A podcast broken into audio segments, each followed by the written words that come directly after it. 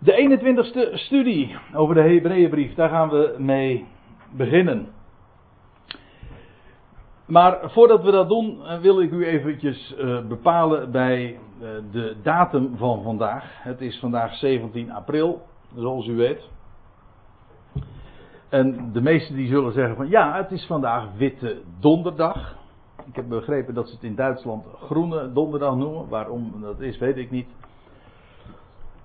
Het is de dag waarvan de christelijke wereld dan zegt dat Jezus toen het laatste avondmaal vierde. Maar die hele kerkelijke kalender, ik had er al helemaal niks mee. Maar als ik zulke dingen dan eraan denk, dan zeg ik van, oh, oh, oh, hoe ver zitten ze ernaast? Want het was niet op donderdag, dat was op woensdag dat het avondmaal gevierd werd. En dan is het morgen Goede Vrijdag. Maar vrijdag is ook al niet goed. Om die reden, want de Heer stierf namelijk op een donderdag. Maar, ja, weet u, die kerkelijke kalender, dat is zo'n enorme afwijking. En volstrekt onnodig, want God heeft ooit zelf zijn kalender gegeven aan het volk van Israël. Aan maanden voorgeschreven, data gegeven. En juist op die data zijn de grote heilsfeiten gebeurd. Een dag als vandaag, kijk, ik zei het is 17 april. En de kerk viert dan Witte Donderdag. En ik wil daar verder helemaal geen nare dingen van zeggen hoor. Maar ja, het is zo overbodig. Maar het is ook weer zo typisch het toevoegen aan het woord van God. En daardoor afdoen van het woord. Dat is net zoiets als dat je toevoegt aan wijn. Water doet bij de wijn. Maar je houdt geen wijn over. En uh, het is vandaag de, op de Hebreeuwse kalender 17 Nisan. Dat is heel, dat is heel erg bijzonder dat de, de, data, de data nu uh, toevalligerwijs uh, precies samenvallen met de Joodse maand. Dus afgelopen maandag was het 14 Nisan. Dat was de dag van het, dat het lam geslacht werd. Dat was dus ook de dag die morgen in de kerk gevierd wordt. Namelijk Goede Vrijdag. Maar dat was op de datum 14 Nisan, de dag uh, van, het paasla, van het paascha. 17 Nisan is uh, de dag. Nou, ik, laten we even bij het begin beginnen. Het is toch wel goed om dat even te memoreren voordat we nu verder gaan met de Hebreeënbrief. Ik heb er juist vandaag nogal in het bijzonder bij stilgestaan. Ik heb er ook een blogje aan gewijd. Maar het is de verjaardag dat zoveel jaar geleden, ik ben eigenlijk vergeten te, na te tellen, maar dat de ark vastliep op het gebergte van Ararat. Dat lees je. Vandaar dus dit plaatje. Je leest in Genesis 8, vers 4. En de ark rustte in de zevende maand.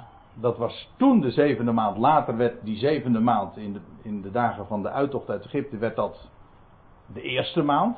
Ik zal dat verhaal nu niet gaan vertellen. Als u daar meer over wil weten, zou die studie van afgelopen zondag, die ik in Urk heb gegeven, of in Tollebeek, nog eens een keer moeten beluisteren. Maar in elk geval, toen de tijd was de zevende maand uh, nog, uh, dat werd later de eerste maand, oftewel de maand Nisan, nu dus. En dan staat er, en de ark rustte in de zevende maand op de zeventiende dag van die maand op het gebergte van Ararat. En dat is vandaag dus, 17 Nisan. Toen gebeurde het. En dat is een schitterend type van wat veel later zou gaan plaatsvinden. Want het meest markante van de 17e Nisan is niet dat de ark toen rust vond op het gebergte van Ararat. Maar het, is, het meest bijzondere is dat 17 Nisan de derde dag is na 14 Nisan. Oftewel, het is de dag dat Jezus Christus vrees uit het graf. Dat is 17 Nisan. Dus dan mag de kerk vandaag, of de christenheid in het algemeen, Witte Donderdag vieren. Maar het is vandaag 17 Nisan op de kalender die God heeft gegeven. Dus het is de dag van de opstanding van Christus. En dat zijn schitterende lijnen. En dat zal vanavond niet in Groningen verteld worden. Daar ben ik vast van overtuigd. En ik vraag me wel eens af, waar wordt het wel gehoord? Het is zo mooi dat, dat, om te zien dat, dat zulke data dan overeenkomen. Dat terwijl de hele wereld, moet u zich voorstellen, de hele wereld was blank. het waren doodswateren. Al wat leeft was daarin omgekomen. En, en in die doodswateren vindt op deze dag de ark rust. Dat was nog helemaal niks te zien. Maar niettemin, de ark vond toen vaste grond. En eigenlijk is dat een schitterend type ook van, de, van wat er gebeurde toen de steen werd weggerold. Want sindsdien is het ook nog steeds zo. De wereld is nog steeds. Wordt overheerst door de dood. Maar niettemin, de ark, een type van Christus, heeft vaste grond gevonden. En in Christus, al in die ark, daarmee ook de hele mensheid. Want de hele mensheid bevond zich in die ark. En dan te bedenken trouwens dat het gebergte van Ararat, daar zit het woordje Arar in. En Arar betekent vloek. En Ararat betekent omkering van vloek. Dus, eh, kijk, in verband met de zonvloed in de dagen van Noach is dat heel duidelijk. De vloek die op de aarde terecht kwam door al die doodswateren en doordat het al wat leeft daarin omkwam, die werd toen, op die dag, de 17e, werd omgekeerd. Dat wil zeggen, toen vond de ark vaste grond en niet lang daarna zou ook daadwerkelijk uh, het droge zichtbaar worden. Dat was toen nog niet zo.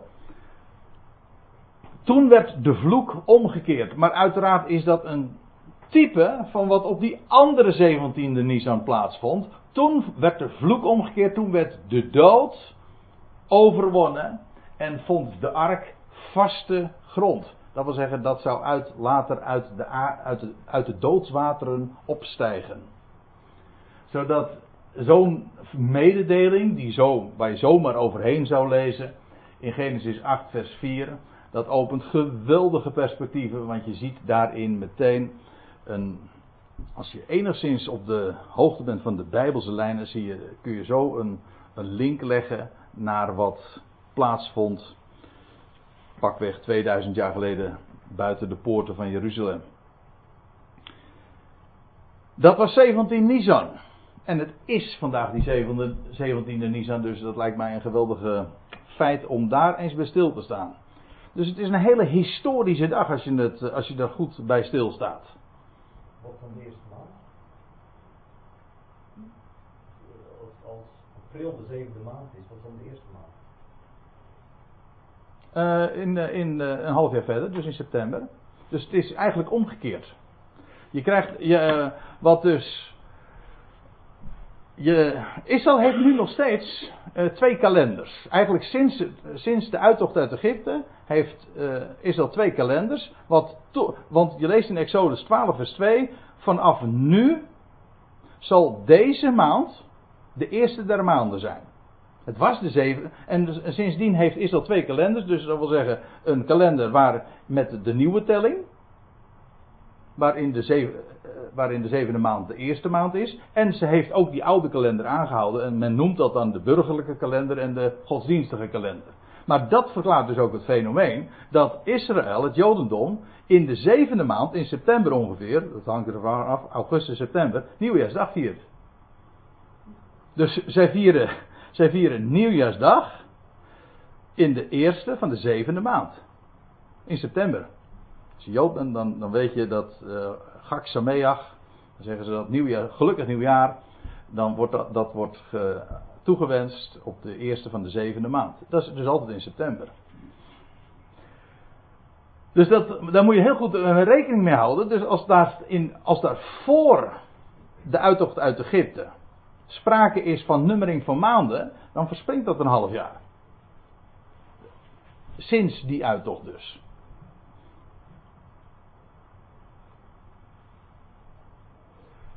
Ja. Nou, ik heb er afgelopen zondag nog wat meer over gezegd, dus uh, dat laat ik nu maar uh, even rusten. Al was het maar omdat het ook weinig met de Hebreeënbrief te maken heeft.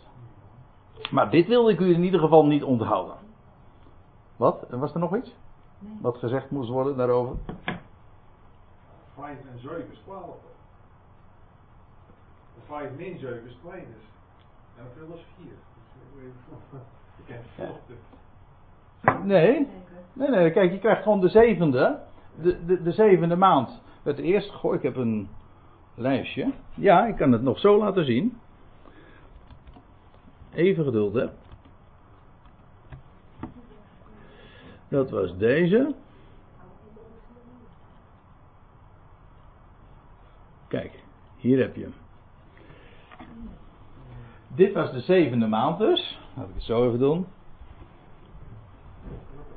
De zevende maand werd voortaan de eerste maand. Dus de achtste maand werd de tweede maand, de negende maand werd de derde maand. En dus de, de, zeven, uh, de, de eerste maand, die komt overeen met de latere zevende maand. Zie je?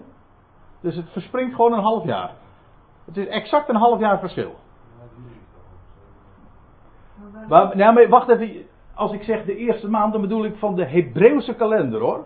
Want uh, nu, dit, de, de maand Nisan, die Israël viert, die dus 17 dagen, geleden, 17 dagen geleden begonnen is, dat is de eerste maand van het jaar. Wat vrij logisch is als je er even goed over nadenkt. Want dat is ook het voorjaar. Strikt genomen zou je het voorjaar ook moeten beginnen met de lente, nietwaar?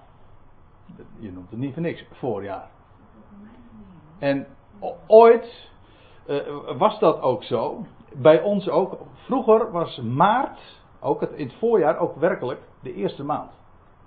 En je ziet dat nog steeds terug in de, in de, in de, in de, in de namen van de maanden. Want dat begint bij september. September is eigenlijk, zou de zevende maand moeten zijn, maar september is de negende maand. En oktober is de achtste, de november, nuf. En december, december, DK is de tiende maand. En dan was januari de elfde maand en februari de twaalfde maand. En februari is daarom ook de schrikkelmaand, want die corrigeert dus aan het eind van het jaar nog, het, uh, nog een paar dagen die nog eventueel te verrekenen zijn.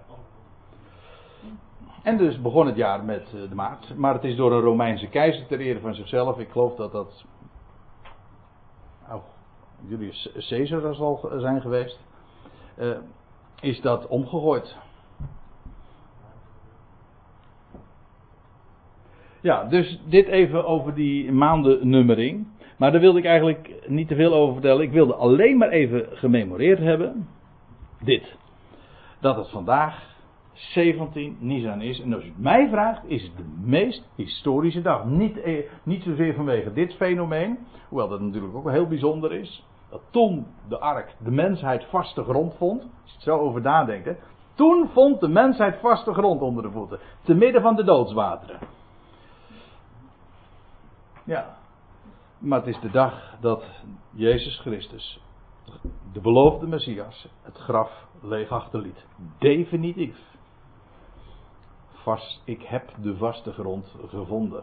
Daar moet ik dan aan denken.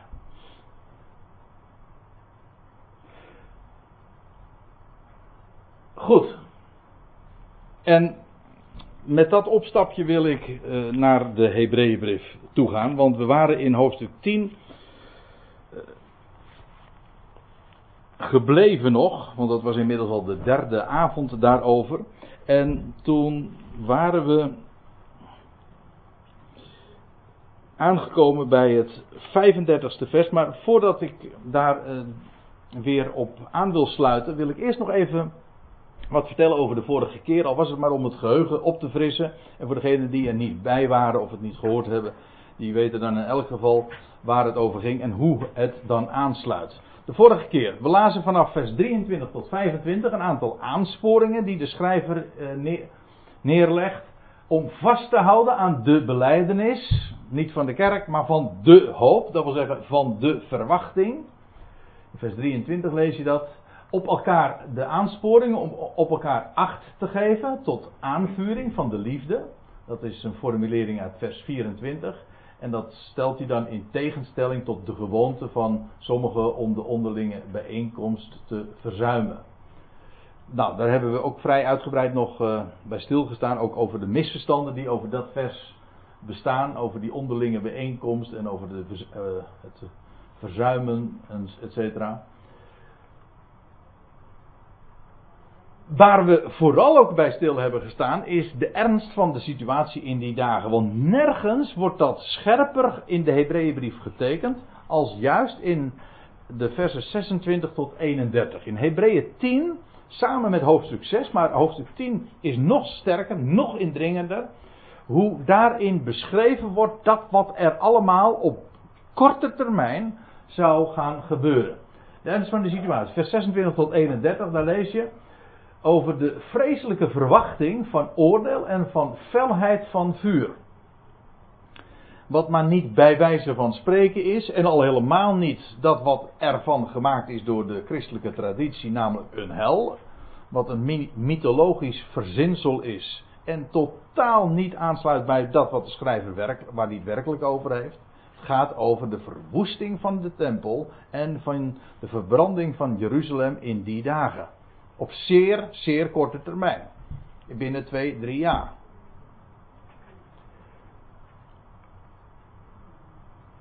Wat daar ook op het spel stond, en de, uh, er was een enorme verdrukking gaande. Zoals er ooit in het verleden ook al, in het begin van de handelingentijd, ook een verdrukking was. Nu, een generatie later, pakweg uh, 30, 35 jaar later, was er opnieuw weer een enorme verdrukking. En de Messias beleidende Joden, die kwamen, vele van hen kwamen ten val. Ze waren ooit meegenomen in, met de stroom en ook onder de indruk van alle wondertekenen die ze hadden gezien. Ja, die, uh, die waren nu aan het verdwijnen, of die waren al verdwenen. En nu, nu ze onder zulke grote druk kwamen, zwoeren ze weer de zoon van God en die beleidenis af. En uh, wat er dan ook letterlijk gebeurde, is dat ze de zoon van God met voeten moesten treden en op zijn naam moesten staan. En het bloed van het uh, nieuwe verbond onheilig achten. Daartoe werden ze verplicht, onder druk gezet en gewoon echt dus onder de, onder de van vervolging en verdrukking. Een enorme druk die op hen werd uitgeoefend. En wat, er, wat je dan leest in vers 30, de Heer zou zijn volk gaan oordelen. Dat is het woord wat ook uh, geciteerd wordt. De Heer zal zijn volk oordelen. En dat wordt geciteerd uit uh, de, de profeet. En dat gaat, nee, uit het boek Deuteronomium trouwens. En de Heer zal zijn volk, en dan kijk het maar na, dan gaat het uiteraard over Israël. En daarmee vinden we opnieuw weer bevestigd dat het gaat over Hebreeën. En over het volk van Israël, over de stad Jeruzalem. Zij die vasthielden aan de offerdienst, de tempeldienst. Wel, daar zou hardhandig, wat zeg ik, uh, op een dramatische wijze een einde aankomen. En dan worden in de laatste versen die we besproken hebben, in vers 31 tot 34, worden ze herinnerd aan vroeger dagen. Dat is de begin van de handelingentijd.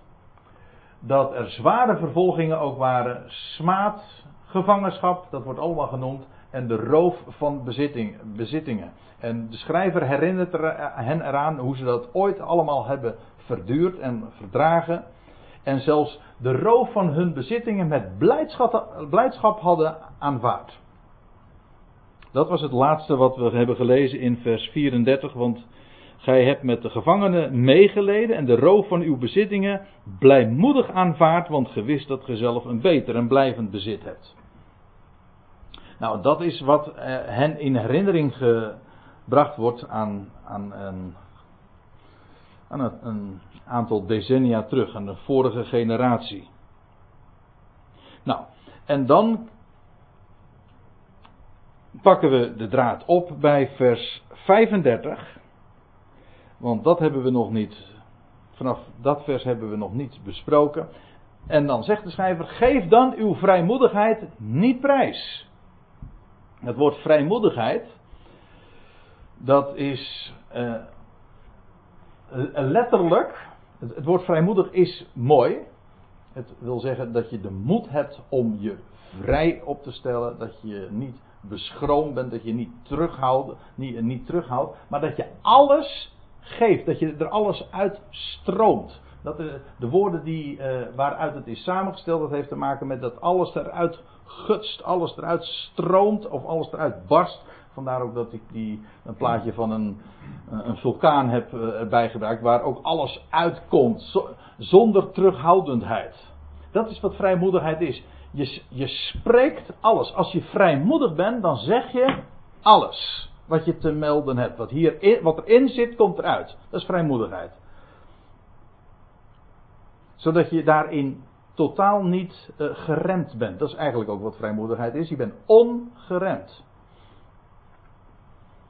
Trouwens, dat lijkt me ook heel erg belangrijk, juist als je het, het woord van God doorgeeft.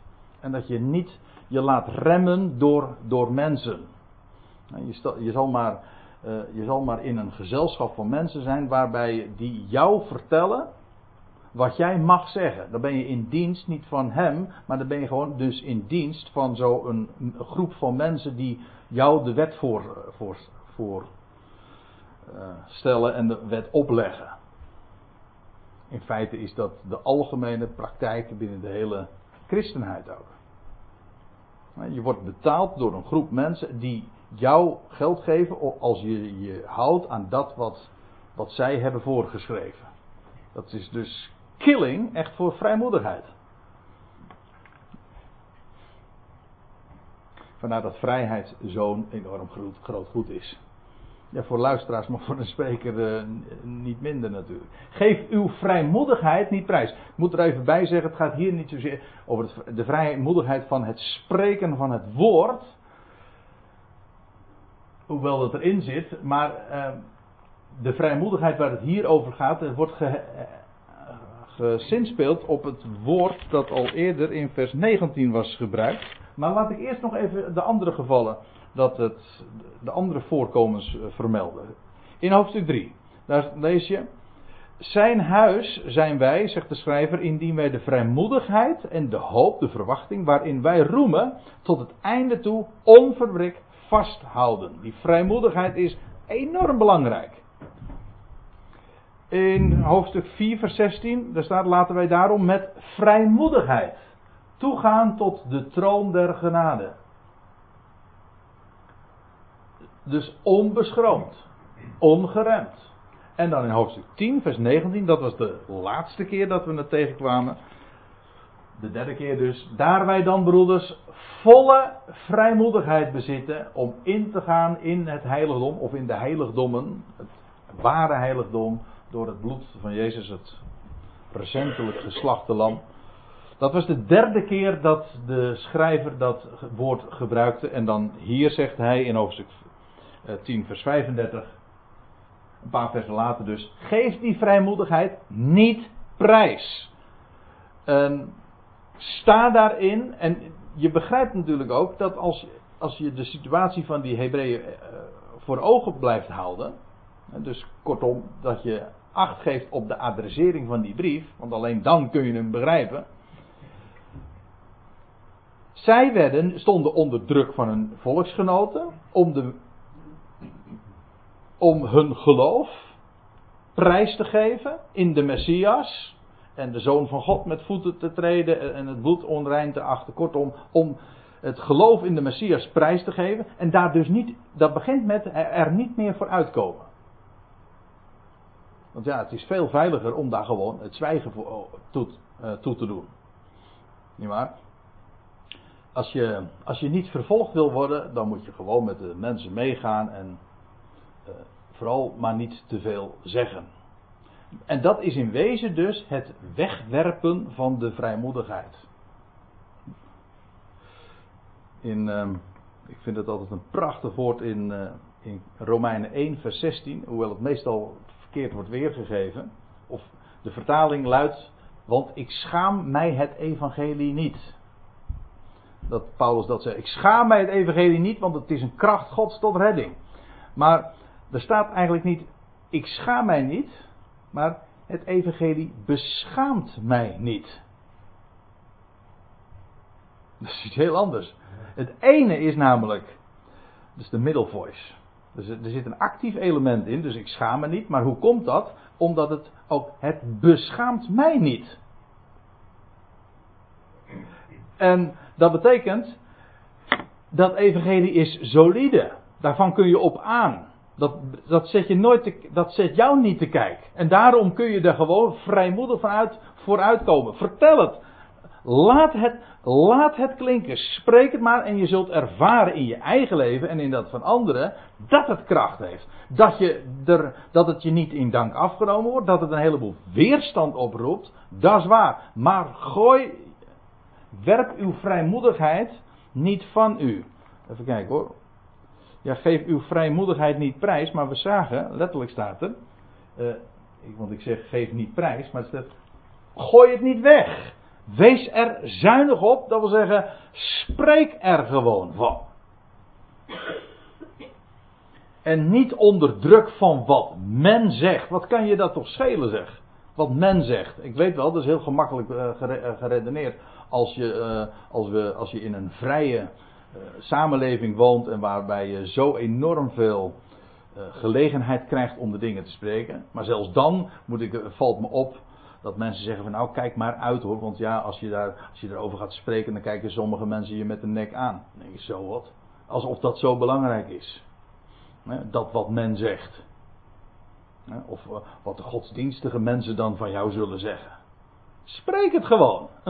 Dat woord dat, is, dat, dat beschaamt jou niet. Daarom vind ik, het is een prachtige oproep die de schrijver hier ook doet. Werp het niet van je, die vrijmoedigheid.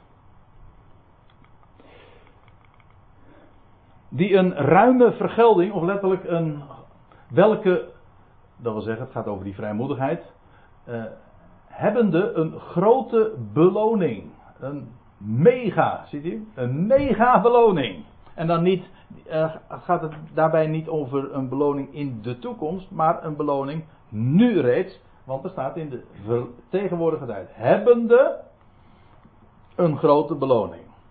Dus niet toekomst, maar tegenwoordige tijd. Die beloning van die vrijmoedigheid is nu al groot. En ja, waaruit die beloning dan bestaat, nou dat is in feite wat we gelezen hebben. De, de rijkdom van de belofte, de, de toegang die we hebben. Kortom, dat is al die beloning. Als je daarin staat, spreek ervan en daar ook de, de, de rijkdom daarvan uitdeelt en dus zelf ook mag eh, ontvangen. Want hoe was het ook alweer? Het is gelukkiger te geven dan te ontvangen. Zegt Paulus in Handelingen 20. Hij gebruikt echt het woordje gelukkiger. Het is geweldig om de rijkdom van het woord van God te ontvangen. Maar weet je wat nog mooier is? Om het door te geven. Nou, die ruime verge- eh, vergelding of de grote beloning, dat heeft het. Want gij hebt volharding nodig. Ja, dat is ook weer zo'n woord. Nog niet zo lang geleden hebben we, ben ik daar eh, door bepaald door, eh, door Menno Heiman, die, die bezig is met een Nederlandse interlineair. En het woord is niet volharding. Zo bleek in een vergadering, we hebben het er nog eens een keer uitgebreid over gehad. En het woord wat weergegeven wordt met volharding in onze vertaling, het is, het is verduren. Wat is het verschil? Volharden of volhouden, dat is een activiteit die jij doet. Verduren is dingen die jij meemaakt en je verdraagt dat. Je kan het aan.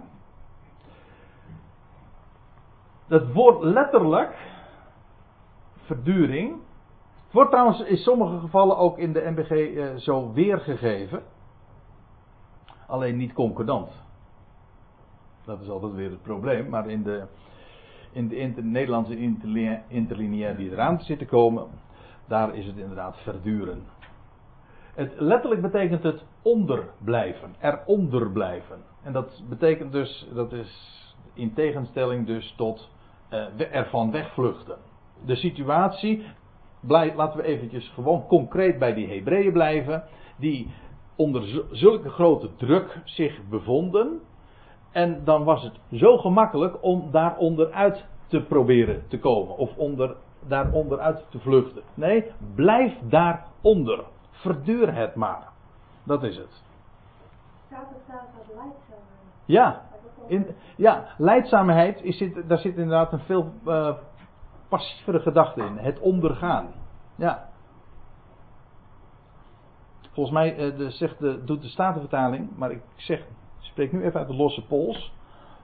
Consequent spreekt van eh, leidzaamheid. Maar het, is, eh, het nadeel van dat woord is dat het weer erg oud-Nederlands is. Maar het, het gewone, nu, het moderne Nederlandse woord voor leidzaamheid is verduren.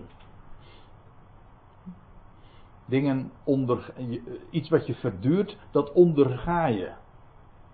Mooi woord trouwens in dit verband, dat onderga je. Je blijft daaronder. Ja, dat hadden ze nodig. Dat is wat de schrijver zegt. Om de wil van God doende. Ja, wat is die wil van God? Nou, daar had hij zojuist over uh, gesproken. Trouwens, daar spreekt hij de hele uh, de brief over. Daar gaat het niet over bepaalde regeltjes, maar daar gaat het juist over de inhoud. Over die beleidenis van de verwachting vast te houden en die vrijmoedigheid niet wegwerpend. Kortom, die, die dingen. Dat is dat wat God wil. Je leest in, uh, in 1 Thessalonica 5 uh, dat, dan zegt Paulus, wat wil God? Er staat, uh, bid ten alle tijden en dat wil zeggen, dankt onder alles en verblijd u ten alle tijden. Hij zegt precies in uh, andere volgorde, verblijd u ten alle tijden, bid zonder ophouden en dankt, namelijk dankt onder alles. Want dit is de wil Gods ten opzichte van u. Dan zie je, het heeft niks te maken met bepaalde uiterlijke dingen. Het heeft te maken met de inhoud. Dus omgang met Hem, leven in dank en daardoor ook je verblijden in Hem. Dat hier ook. Het gaat over de verwachting. Het woord daarvan aan vasthouden. Dat is het enige wat, dat is het enige wat, wat telt. De rest is niet interessant. De wil van God doende te verkrijgen hetgeen, om, zo, om dat zo te doen, om zo doende te verkrijgen hetgeen uh, beloofd is. Nou, over die verwachtingen en over datgeen beloofd is, daar had de schrijver inmiddels al zoveel eh, gesproken. Over succes lazen we over, hebben we een heel pericoop zelfs gelezen over de belofte en over de wijze waarop God dat zelfs bekrachtigd heeft met een eedswering. Wel, dat alles daarin te staan, daaruit te leven, dat vast te houden. Want, zegt hij dan, en dan komt er een, een citaat uit Jesaja 26, vers 20. Hij citeert uit de Septuagint. Want nog een korte, korte tijd. Microtijd. En hij Nou, laat ik het eerst inderdaad maar eventjes opslaan in Jesaja 26. En dan geef ik het even weer zoals de Hebreeuwse tekst ook uh, aangeeft. Jesaja 26. En dan zult u ook zien hoe dat wat de schrijver in Hebreeën 10 vertelt, direct gekoppeld is aan dat wat Jesaja 26 ook beschrijft. Gaat ook over Israël. Daar lees je, Kom, mijn volk, ga in uw binnenkamers en sluit uw deuren achter u. Want waarom? Er, was, er dreigde ook in die dagen uh, uh, vreselijke dingen. Verberg u een korte tijd totdat de gramschap over is. Want zie, de Heere verlaat zijn plaats om de ongerechtigheid der bewoners van de aarde. Maar er staat de aarde, maar in het Hebreeuws staat er gewoon haaretz. Dat betekent het land om de ongerechtigheid van de bewoners van het land aan hen, oh, dubbel A, aan hen te bezoeken. Ik geef dit citaat er meteen even bij om u te laten zien dat wat hier staat aansluit wat, bij wat de Hebreeënbrief naar voren gebracht wordt, namelijk dat er binnen zeer, zeer korte tijd. Ik geloof niet dat er een, een tekst is in de Hebreeënbrief die dat zo sterk aangeeft als juist hier. Dat het echt zeer spoedig uh, staat aan te breken. We hadden al in Hebreeën 8 aan het einde gelezen over dat. Uh, hoe stond het er nou precies? Als hij spreekt van een nieuw verbond, heeft hij daarmee het oude. Heeft hij het eerste voor verouderd verklaard. En wat verouderd en verjaard is niet ver van de verdwijning. Dat wil zeggen, het hele bestel van het oude verbond, die hele tempeldienst en alles wat daaronder plaatsvond, dat zou in de nabije toekomst verdwijnen. Maar hier wordt zelfs gezegd binnen zeer, zeer korte tijd. Ja, en dan staat er en hij die komt. Maar ik zal u vertellen, het, eh, wat blijkt, als je het, het citaat in Habakkuk 2 erbij betrekt, dan gaat het niet over hij die komt, maar over het komende. Het komende. En eh, er zijn zelfs ook vertalingen die het zo weergeven. En als je begrijpt waar de Hebreeënbrief over gaat, namelijk over het gericht, het oordeel dat in die dagen zeer binnenkort zou gaan plaatsvinden, dan gaat het hier niet over de komst van de Heer, maar het gaat over het gericht dat zou plaatsvinden. En het komende zal er zijn en niet op zich laten wachten. Ja, dan hoort zich dan ook niet met een hoofdletter natuurlijk. Het komende zal, uh, zal er zijn en niet op zich laten wachten. En nogmaals, dat gaat dus over die verwoesting van de stad in het jaar 70. Nog een zeer, zeer korte tijd. En het komende zal er zijn en niet op zich laten wachten. Ik zal u ook laten zien, want ik zei u, het was een citaat uit uh, Habakkuk 2, maar vervolgens uit, uh, nee, uit Jesaja 26, maar ook uit uh, Habakkuk 2. Want dan lees je, want wel wacht het gezicht, dat wil zeggen het visioen, waar Habakkuk ook over spreekt, ook over een een naderend oordeel. Verwoesting van de stad, ja. In Habakkuk gaat het ook over de verwoesting van de stad. Wel wacht het gezicht nog tot de bestemde tijd, maar het spoedt zich. Zonder falen naar het einde. En als het vertoeft, verbijt het, dat wil zeggen verwacht het. Want, het, want komen zal het gewis. En uitblijven zal het niet. En ik haal dit nu even aan, omdat de schrijver, als u een, een, bijbeltje hebt met schriftverwijzingen, dan, dan, ziet u hier ook dat het nogal wat uh, verwijzingen geeft naar, naar uh, oud-testamentische schriftplaatsen. En in dit geval is dat dus Habakkuk 2. En hij die komt is niet hij die komt, maar het is het komende. En dat gaat dus concreet over de de gebeurtenissen die zich in die dagen zeer spoedig zouden voltrekken. Aanstaand gericht. En dan lees je in vers 38. En mijn rechtvaardige, en dit is weer uh, Habakkuk 2, maar nu vers 4. En mijn rechtvaardige zal uit geloof leven. Dat is een tekst natuurlijk die je heel dikwijls in het Nieuwe Testament tegenkomt. Of vindt toegelicht. Want ik, als ik zeg heel veel, dan bedoel ik eigenlijk drie keer. Maar het wordt wel uitgebreid toegelicht. Het is een citaat uit Habakkuk 2 vers 4. Je vindt het drie keer in het Nieuw Testament. Romeinen 1 vers 17. Ik, ik had het net over Romeinen 1 vers 16. Want het evangelie beschaamt mij niet. Maar in Romeinen 1 vers 16, daar lees je...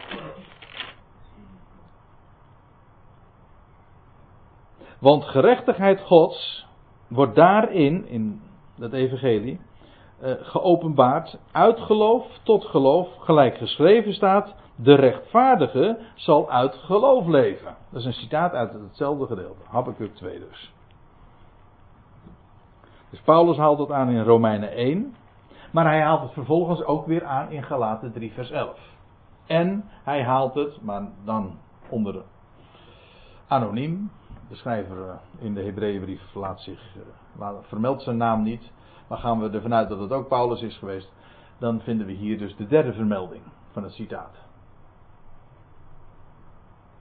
In Hebreeën 10, vers 38 dus. En mijn rechtvaardige zal uit geloof leven. En die, dit is wel een hele typische Paulus statement. Ja, het is een citaat uit de Habakkuk. Maar het is typisch Paulus, want geloof en rechtvaardigheid, die, zijn, die twee zijn aan elkaar gekoppeld. God rekent geloof tot rechtvaardigheid. Maar nou, dat is dan weer, als ik het zo zeg, een citaat van uit Genesis, waar je dat leest over Abraham. Abraham geloofde God en het werd hem tot gerechtigheid gerekend. Dat wil zeggen, Abraham was een tzaddik, een rechtvaardige. Waarom? Hij geloofde God. Hij deed niks, het was geen handel, had niks te maken met wandel. Natuurlijk heeft dat zijn impact wel. Maar hij beaamde dat wat God onvoorwaardelijk beloofde. En dan staat er, en Abraham geloofde God en dat werd hem tot gerechtigheid gerekend. Dat wat, wat is een gelovige? Of, nou laat ik de vraag omkeren. Wat is een rechtvaardige? Wat is nou een rechtvaardige? Dat is degene die God op zijn woord neemt. God belooft, onvoorwaardelijk, en het beamen daarvan, dat is wat God rekent tot rechtvaardigheid. En dat is een gruwel in de ogen van velen. Dat dat allemaal zo makkelijk aan. God belooft onvoorwaardelijk en je beaamt dat en dat dat, dat gerekend wordt tot gerechtigheid. Dat is toch geen prestatie? Nee, dat is het ook niet. Want zelfs het feit dat je het gelooft, betekent dat je overtuigd bent van. En overtuigd bent door. Hij spreekt, hij heeft jou overtuigd. En dus wat is dat voor een prestatie? Als je, als je zegt amen. Dan ben je dus overtuigd. Dus ook nog eens een keer zijn werk. Maar dat is precies wat een rechtvaardige is. Iemand die leeft uit geloof. Dat wil zeggen, gelooft wat God gesproken heeft. En mijn rechtvaardige zal uit geloof leven. Maar staat er, als hij nalatig wordt. Dat wil zeggen, als hij dat nalaat. Om te beamen wat God zegt. Dan heeft mijn ziel in hem geen welbehagen. En ook dit wordt trouwens weer geciteerd uit Hebreeën 2. Het is allemaal, wat de schrijver hier doet, is niks anders dan het, het aaneenrijgen van diverse citaten. Jesaja 26 uit Habakkuk 2. Het idee daarbij is telkens dat wat God honoreert, dat is inderdaad geloof. Staan op zijn woord. En als je dat verlaat, ja, dan, uh, dan staat er, dan heeft mijn ziel in hem geen behagen. Dus je leest dan nog iets, want dat komen, dan komen we in vers 39, dat de schrijver zegt, doch wij hebben niets van doen met nalatigheid. En hier zie je trouwens iets heel moois.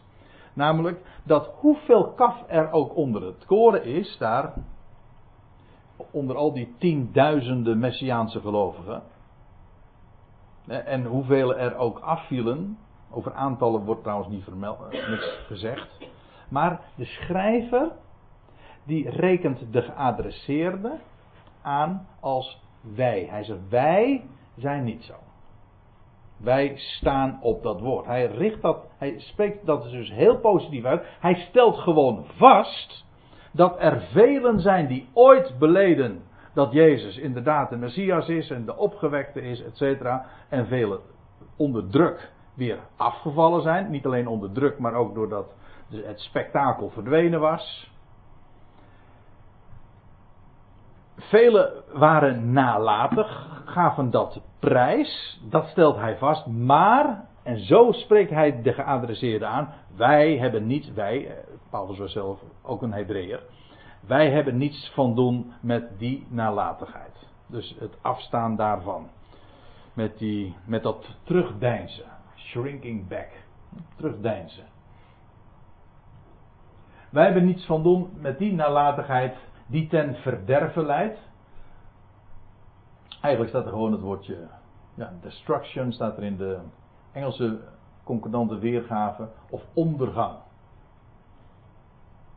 Ja, dat zijn hele concrete woorden. Voortdurend. Je zou zo, eh, voor de aardigheid eens eventjes op een rijtje moeten zetten. Alles wat de schrijver hier nou alleen al in hoofdstuk 2, eh, pardon, hoofdstuk 10 zegt over, de, over dat wat aanstaande is.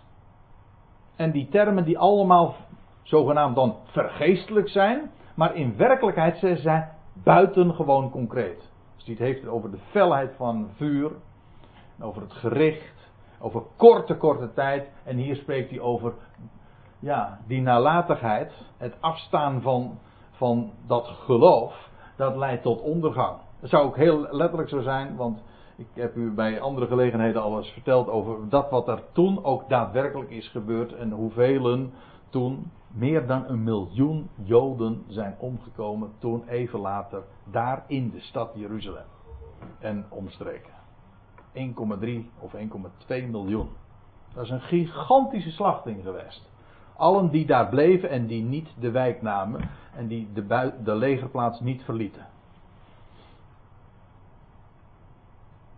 En dat had allemaal te maken dus met dat vasthouden aan het woord. Heeft dus niks met prestaties te maken, maar dat vast te houden. Dat niet weg te werpen. Maar